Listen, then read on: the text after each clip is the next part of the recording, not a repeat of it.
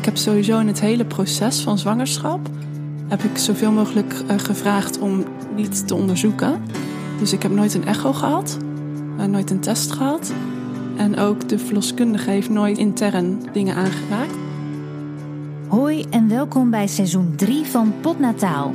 De podcast waarin je vrouwen puur en eerlijk over een van de belangrijkste gebeurtenissen in hun leven hoort vertellen: de bevalling. Laat je inspireren, voel je gesteund en verbonden met al deze geweldige vrouwen. Ik hoop dat dat is wat je haalt uit deze podcast. Ik ben Simone Wijnands. Dit is het verhaal van Anouk.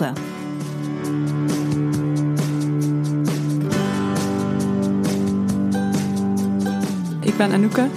Ik ben 33 jaar en ik woon in Amsterdam. En uh, ik werk op dit moment in een bakkerswinkel om daarnaast ook ruimte te houden voor het moederschap. En in de toekomst wil ik mijn eigen bedrijf uh, beginnen. Volgend jaar gaan we op wereldreis en dat ben ik verder aan het voorbereiden. En mijn bevalling was op 9 mei 2018.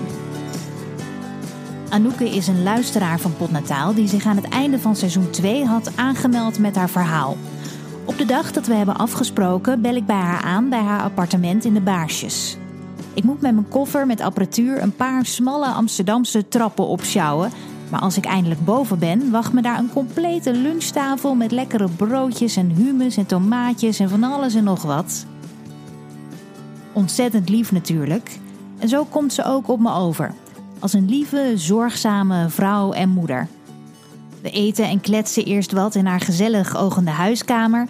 En dan hebben we het over waarvoor ik eigenlijk gekomen ben: haar bevalling. Ze is al ruim anderhalve week over tijd als ze voelt dat de bevalling eraan zit te komen.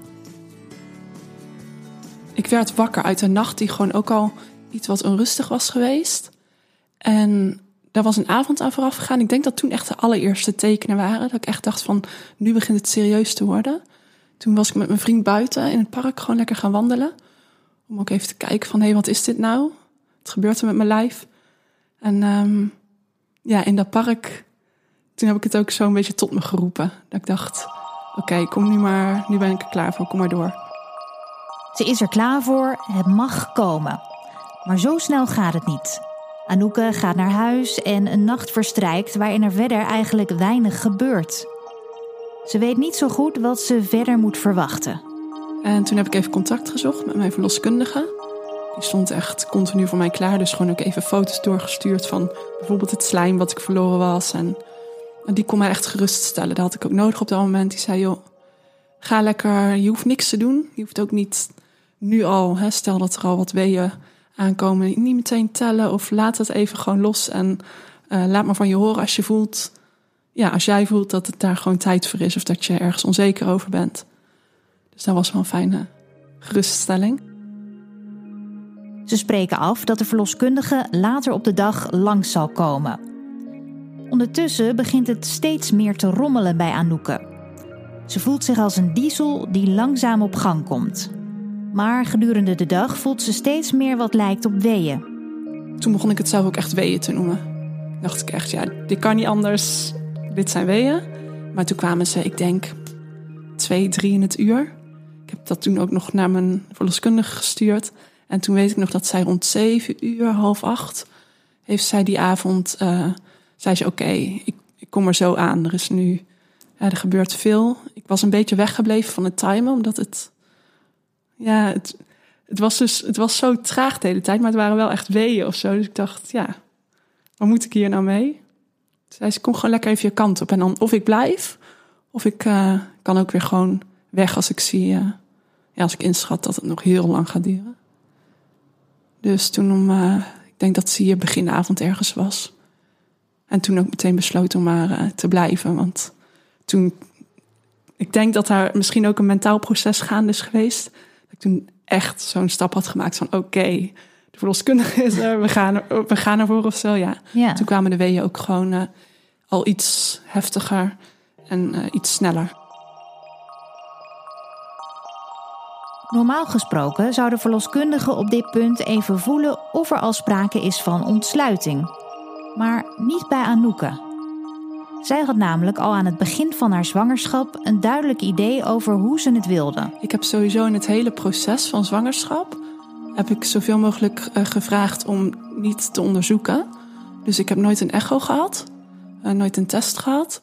En ook de verloskundige heeft nooit uh, um, intern dingen aangeraakt. Dus ook tijdens de bevalling, dit, op dit punt, heeft ze ook niet ontsluiting gevoeld.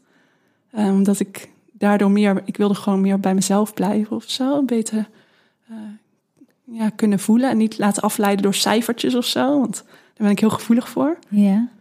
Um, dus dat heeft ze niet gedaan. Okay. Um, wel inderdaad, ja, gewoon mij observeren.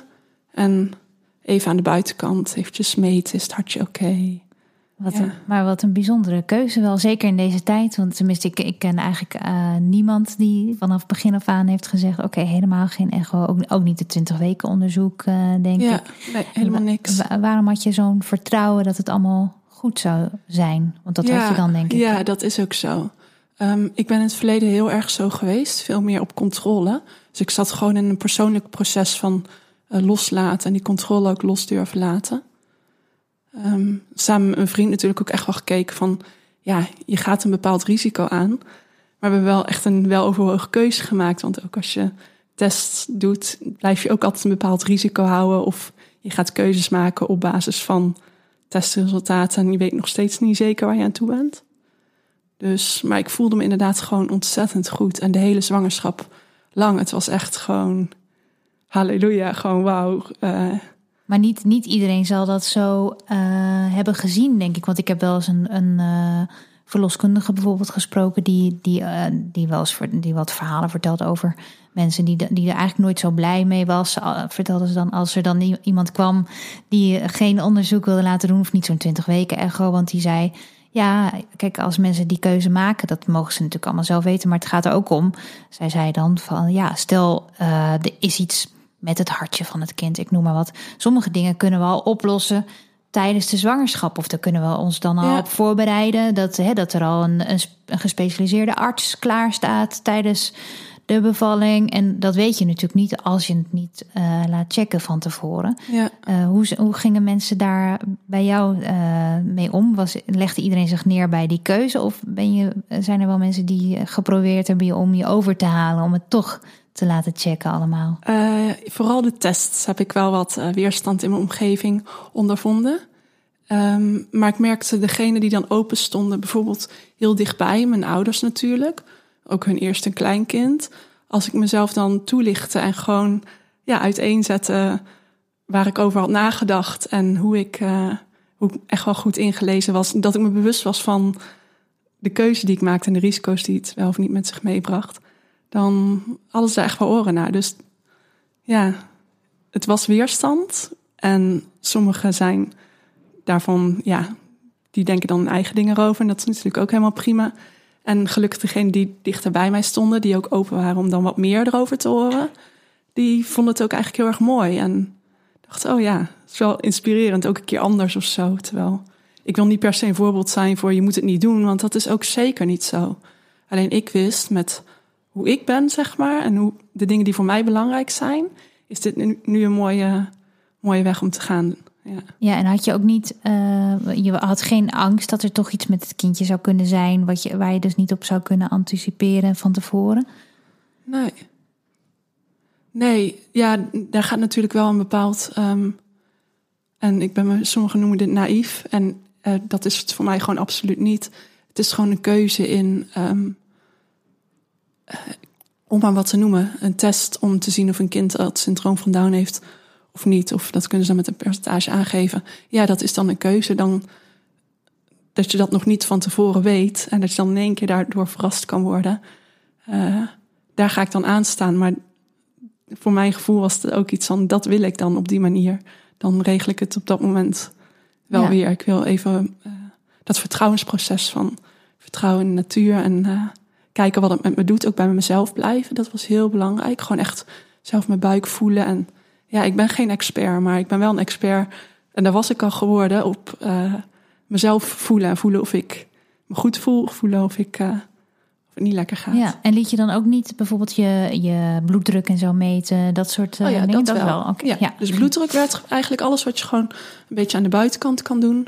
Ja. Dat wel. Ja. Moet ik er wel bij zeggen, ik ging wel eens bij mezelf naar binnen. ja. Vind ik nu heel raar om voor de microfoon te zeggen, Ja. maar het is wel zo.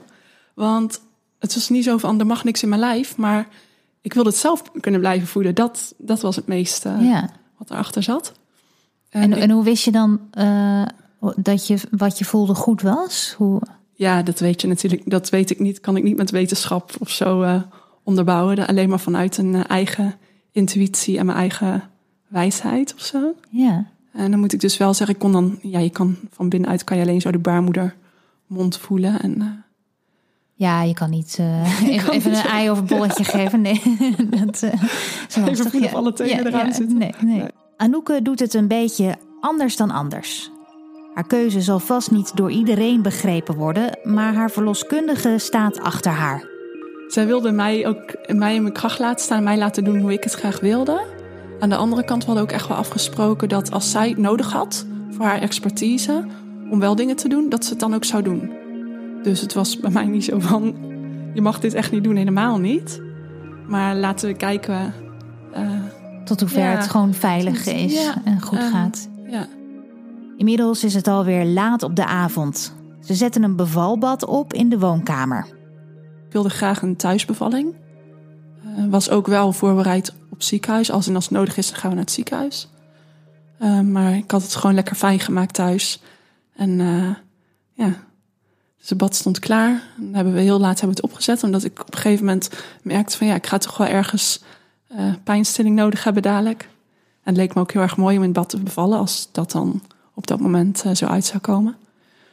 Dus die hebben we. Ik, ik vind het heel moeilijk om te herinneren. Maar dat is ergens in die late avond, begin nacht gebeurd. Die nacht is niet zo heel erg iets bijzonders gebeurd. Behalve dat ik gewoon ehm, ja, echt al wel flinke weeën had. Maar er zat steeds best veel ruimte tussen. Dus dat, het liep allemaal heel gestaag. Dus die dag daarna was het heel heet. Het waren hele hete dagen. Volgens mij ergens rond de 30 graden. Dus we hadden de gordijnen dicht gedaan. En eh, wel kaarsjes aan. gewoon voor de rust of zo. Ik weet ook niet. En in bad had ik ook zo'n opblaasding. En gewoon een beetje relaxed en fun. En ja, En je had er ook nog wel ontspannen zin van, in. eh, Je, je was ook nog wel ontspannen Zeker. verder. Ja. Ja, ook na die nacht en toen na de dag. Ik voelde, ja, toen al, dit duurt even of zo. Het, het was duidelijk dat het geen, of het was sowieso op dat moment al geen snelle bevalling meer.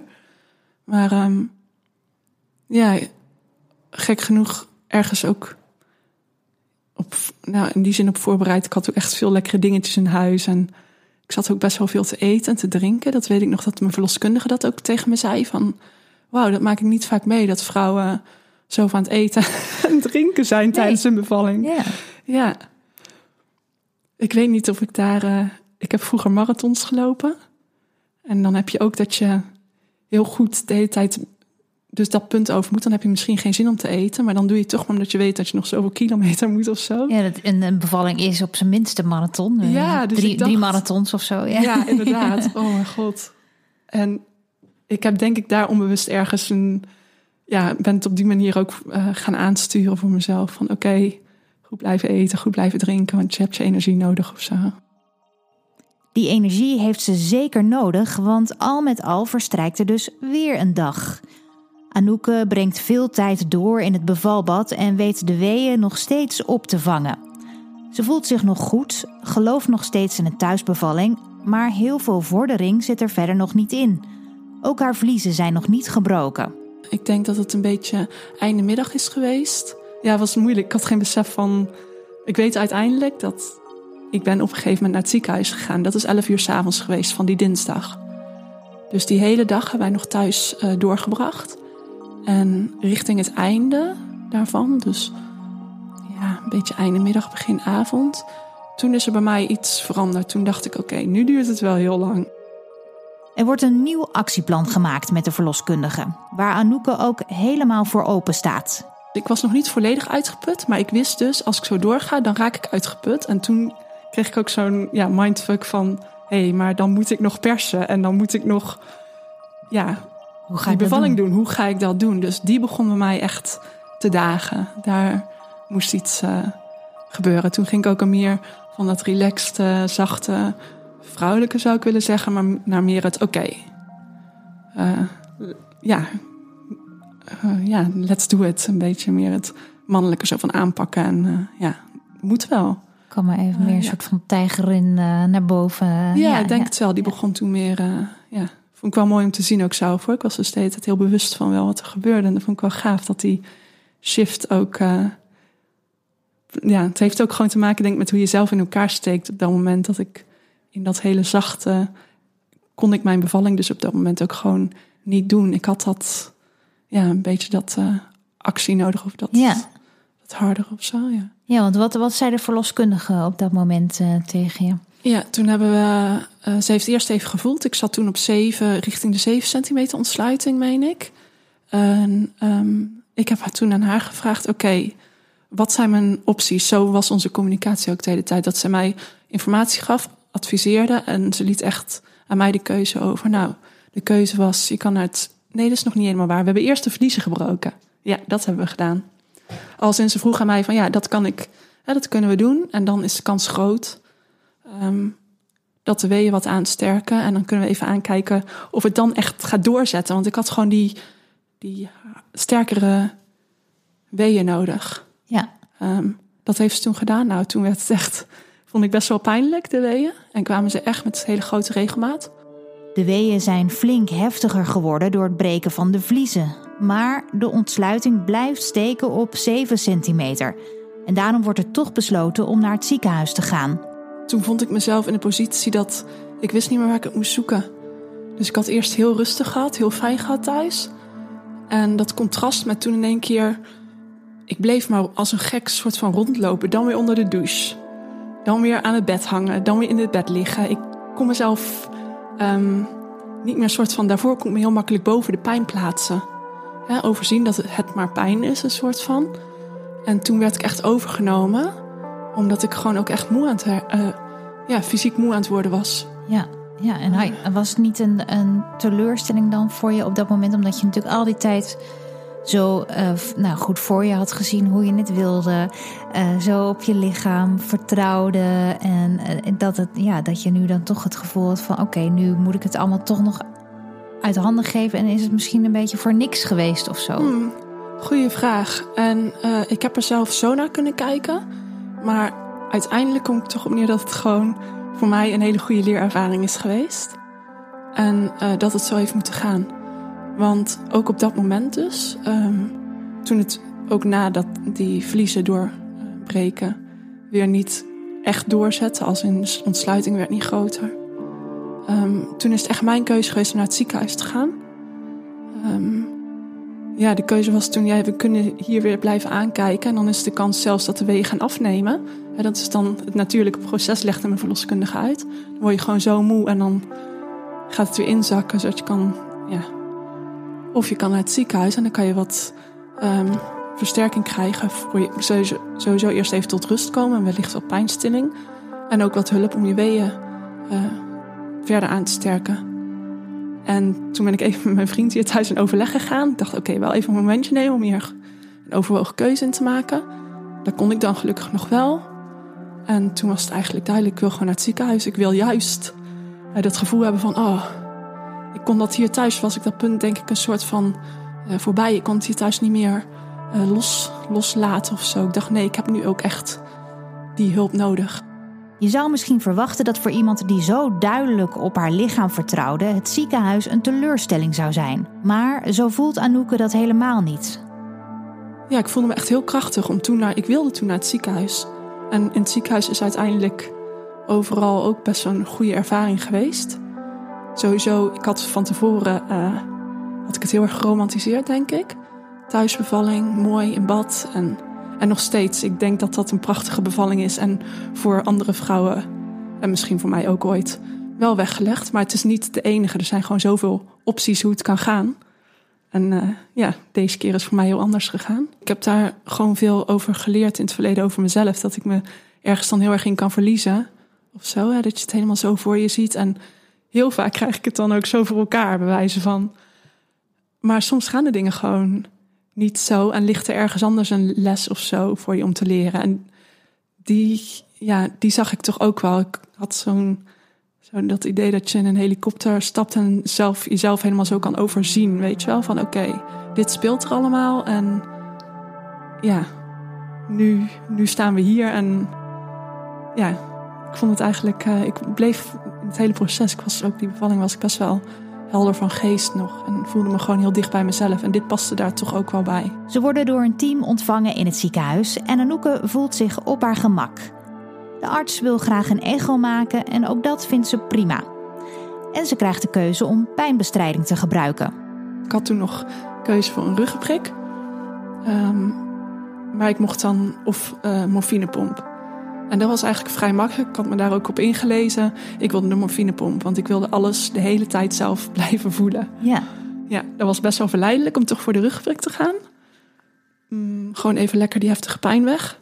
Maar met morfinepomp dan haal je dus de scherpste pijn eraf. En dan kan je even tot rust komen. En ik, daar was ik vooral aan toe. Om even een beetje in te kunnen doezelen, zeg maar. En even weer op krachten uh, te komen. En dan de bevalling echt in te gaan. Ja, en toen had je dus je, eerste echo daar ook. Dat is ja. ook best wel bijzonder. Want ik weet nog heel goed dat ik voor de allereerste keer een echo kreeg. En dat was natuurlijk helemaal aan het begin van mijn eerste zwangerschap. Maar toen, uh, nou, dat vond ik een heel emotioneel moment toen. Maar dat had jij nu dus aan het einde. Ja. Was het dan ook nog steeds een emotioneel moment? Nee, niet. Het is grappig dat je het nu zo noemt. Want ik kan dat heel goed begrijpen. Dat dat inderdaad in je zwangerschap een heel groot ding is. En ik had dat nu helemaal niet meer. Want ik zat al zo dicht op dat het kindje dadelijk bij me zou zijn of zo. En ook, ja, het beeld maakte me eigenlijk niet meer zoveel uit. Ik heb al heel veel, heel vaak dat plaatje gezien. En ik heb een hele andere verbinding, denk ik, daar met mijn kindje gelegd. Omdat ik heel erg op de, op de hartslag, op het voelen uh, zat. Dus ja, dat maakte voor mij niet meer zoveel verschil nee. eigenlijk. Ik moet ook zeggen dat we, we hebben toen ja, met een half oog, we hebben bijna met een half oog meegekeken, denk ik. Zo voelde het. Want we wilden sowieso het geslacht ook nog even als verrassing houden op het einde. In het ziekenhuis wordt ze overvallen door de mededeling dat ze weeënopwekkers zouden gaan toedienen. En toen schoot ik even in zo'n moment van, ho, wacht. Um, mag ik hierin meekiezen? Of ik wist wel en ik wilde dat zelf uiteindelijk ook. Maar ik wilde eerst even aankomen in het ziekenhuis. Ik wilde even uh, heel even landen of zo. Dat heb ik altijd nodig.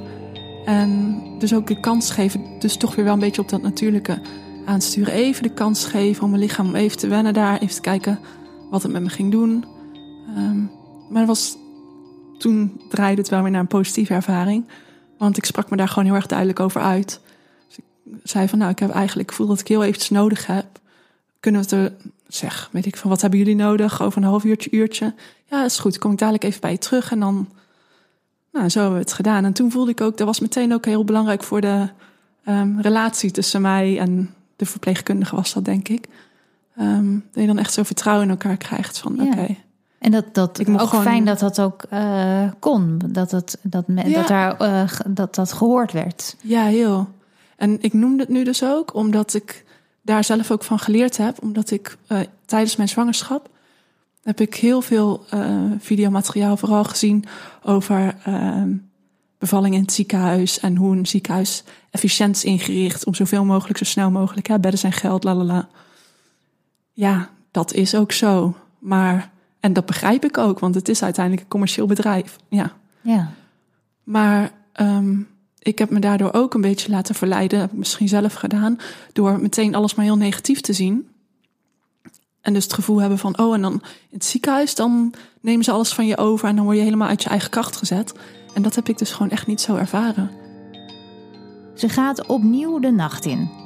Ze stemt in met de weeënopwekkers en maakt gebruik van de morfinepomp. Haar vriend weet nog een paar uurtjes slaap te pakken in het ziekenhuis. En in de vroege ochtend voelt Anouk dat de persweeën zich aandienen. Maar omdat er een wisseling van het artsenteam is en de gynaecoloog nog niet ter plaatse, mag ze nog niet persen. Gelukkig is haar verloskundige weer vroeg in het ziekenhuis. Die zei wel, joh, ga, als jij het echt voelt, want ik wist gewoon, ja, dit is het gewoon. Ga maar gewoon al persen. Ja, het is ook zo raar om dat dan tegen te gaan houden. Toen ben ik dus toch al een beetje gewoon gaan persen. In ieder geval een beetje op die weeën mee. Ja, ik kon gewoon niet anders. En toen vrij snel sloot de gynaecoloog ook aan. Die was gewoon nog met een andere bevalling bezig. In eerste instantie lag ik. Dan vrij snel, nee, dit is het niet. Op mijn zij. Eh, hurk over het bed hangen. Heb ik nog, uh, vond ik wel prettig, dus staan dan over het bed hangen. Zo heb ik vrij lang uh, geperst. En toen op een gegeven moment is het hoofdje toch uh, geboren, of een deel van het hoofd, terwijl ik lag. Ik ben op een gegeven moment weer gaan liggen, omdat ik gewoon te uitgeput was. En dat vond ik heel gaaf. Ik heb heel erg goed gevoeld uh, hoe dat hoofdje ook. Ik ben de naam van het punt kwijt, maar er is zo'n punt waar het hoofdje omheen kantelt. Ik voelde echt helemaal hoe dat van binnen dan ging. En dat vond ik zo machtig mooi. Hoe, ja, hoe je dus. Kan, uh, ja. ja. hoe wij in elkaar zitten ja. als vrouwen. En hoe we samenwerken met dat kindje dat dan uh, komt. En eigenlijk toen het. Nee, het eind van het hoofdje is op een, op een baarkruk nog. Er is best wel veel gebeurd, maar ja. Op een baarkruk geboren. En toen is het niet meteen het lijfje erachteraan gekomen. Daar heeft toen een week tussen gezeten.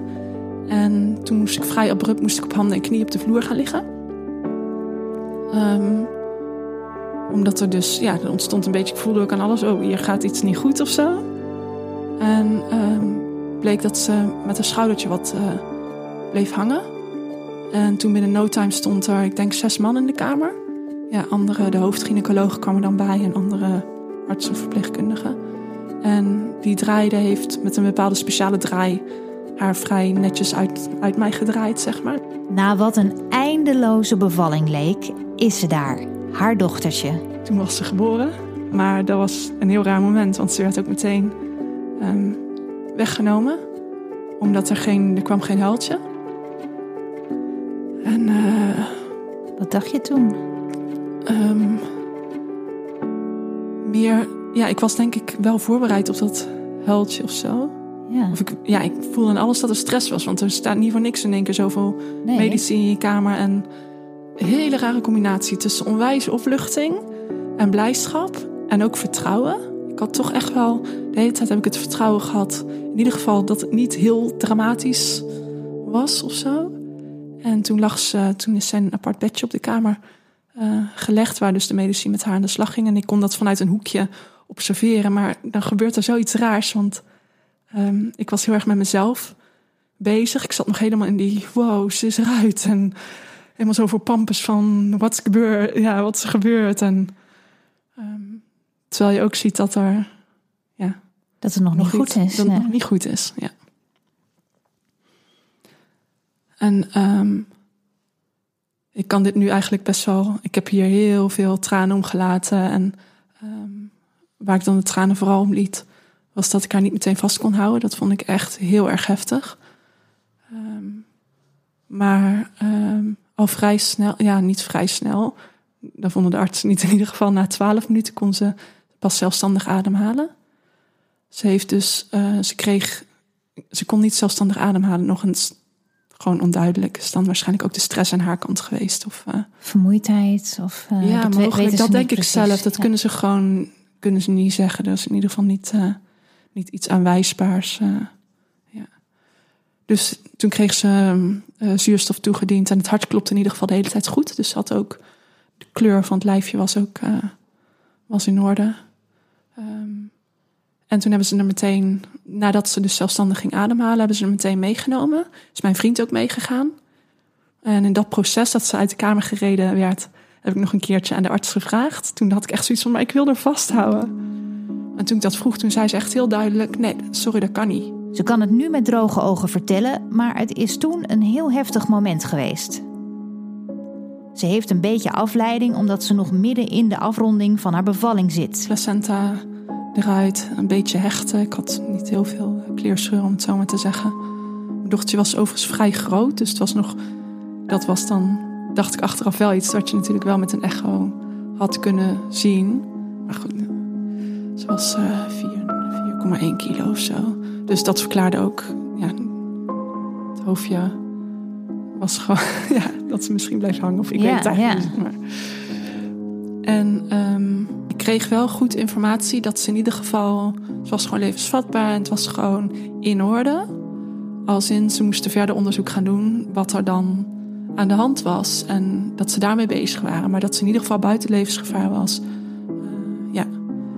En ook mijn vriend belde op een gegeven moment vanaf de neonatologie.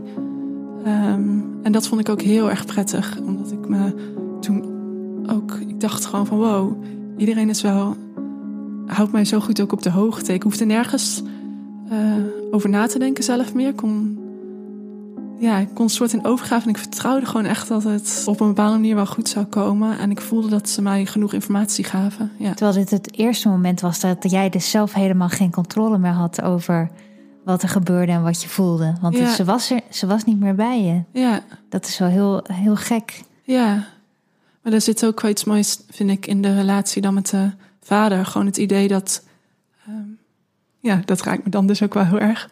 Dat er uh, voorheen dacht ik altijd, oh, de moeder moet meteen, en moet ook, uh, dat contact met uh, de kleine hebben. Dat is ook goed voor de borstvoeding en dat soort dingen. En ik denk nog steeds, dat is heel erg belangrijk. Maar een vader kan daar ook over nemen. Want ik heb gezien hoe mijn vriend um, er voor haar was eigenlijk.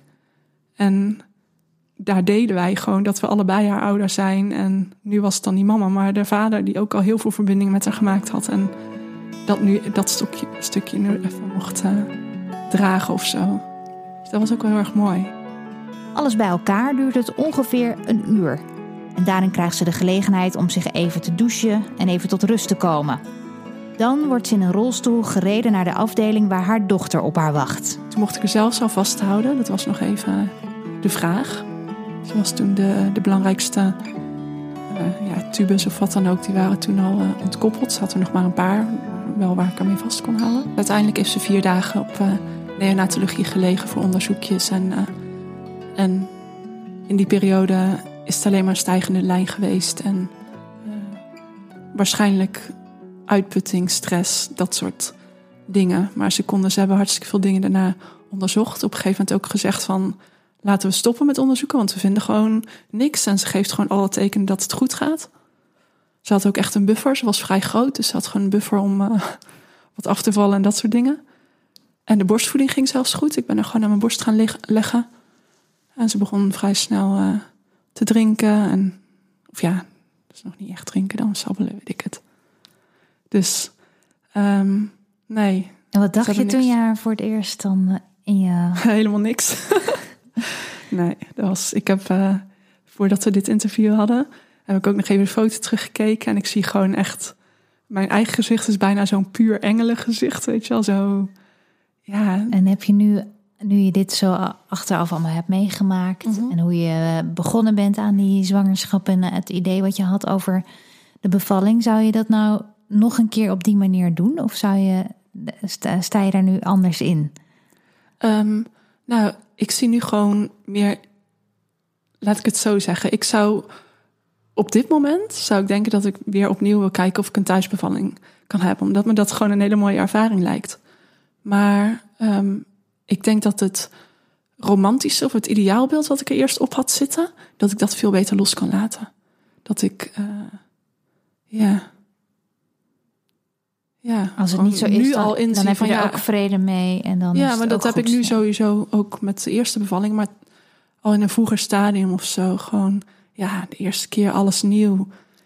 Helemaal, nou, ik heb me niet gek laten maken. Maar wel gewoon zoveel, ik heb zoveel informatie tot me genomen. En ervaringen gehoord. En helemaal gedacht van, oh ja, het kan zo mooi zijn. En uh, ja, en ik denk ook echt dat dat kan. Alleen je weet gewoon niet wat je krijgt. Een beetje die...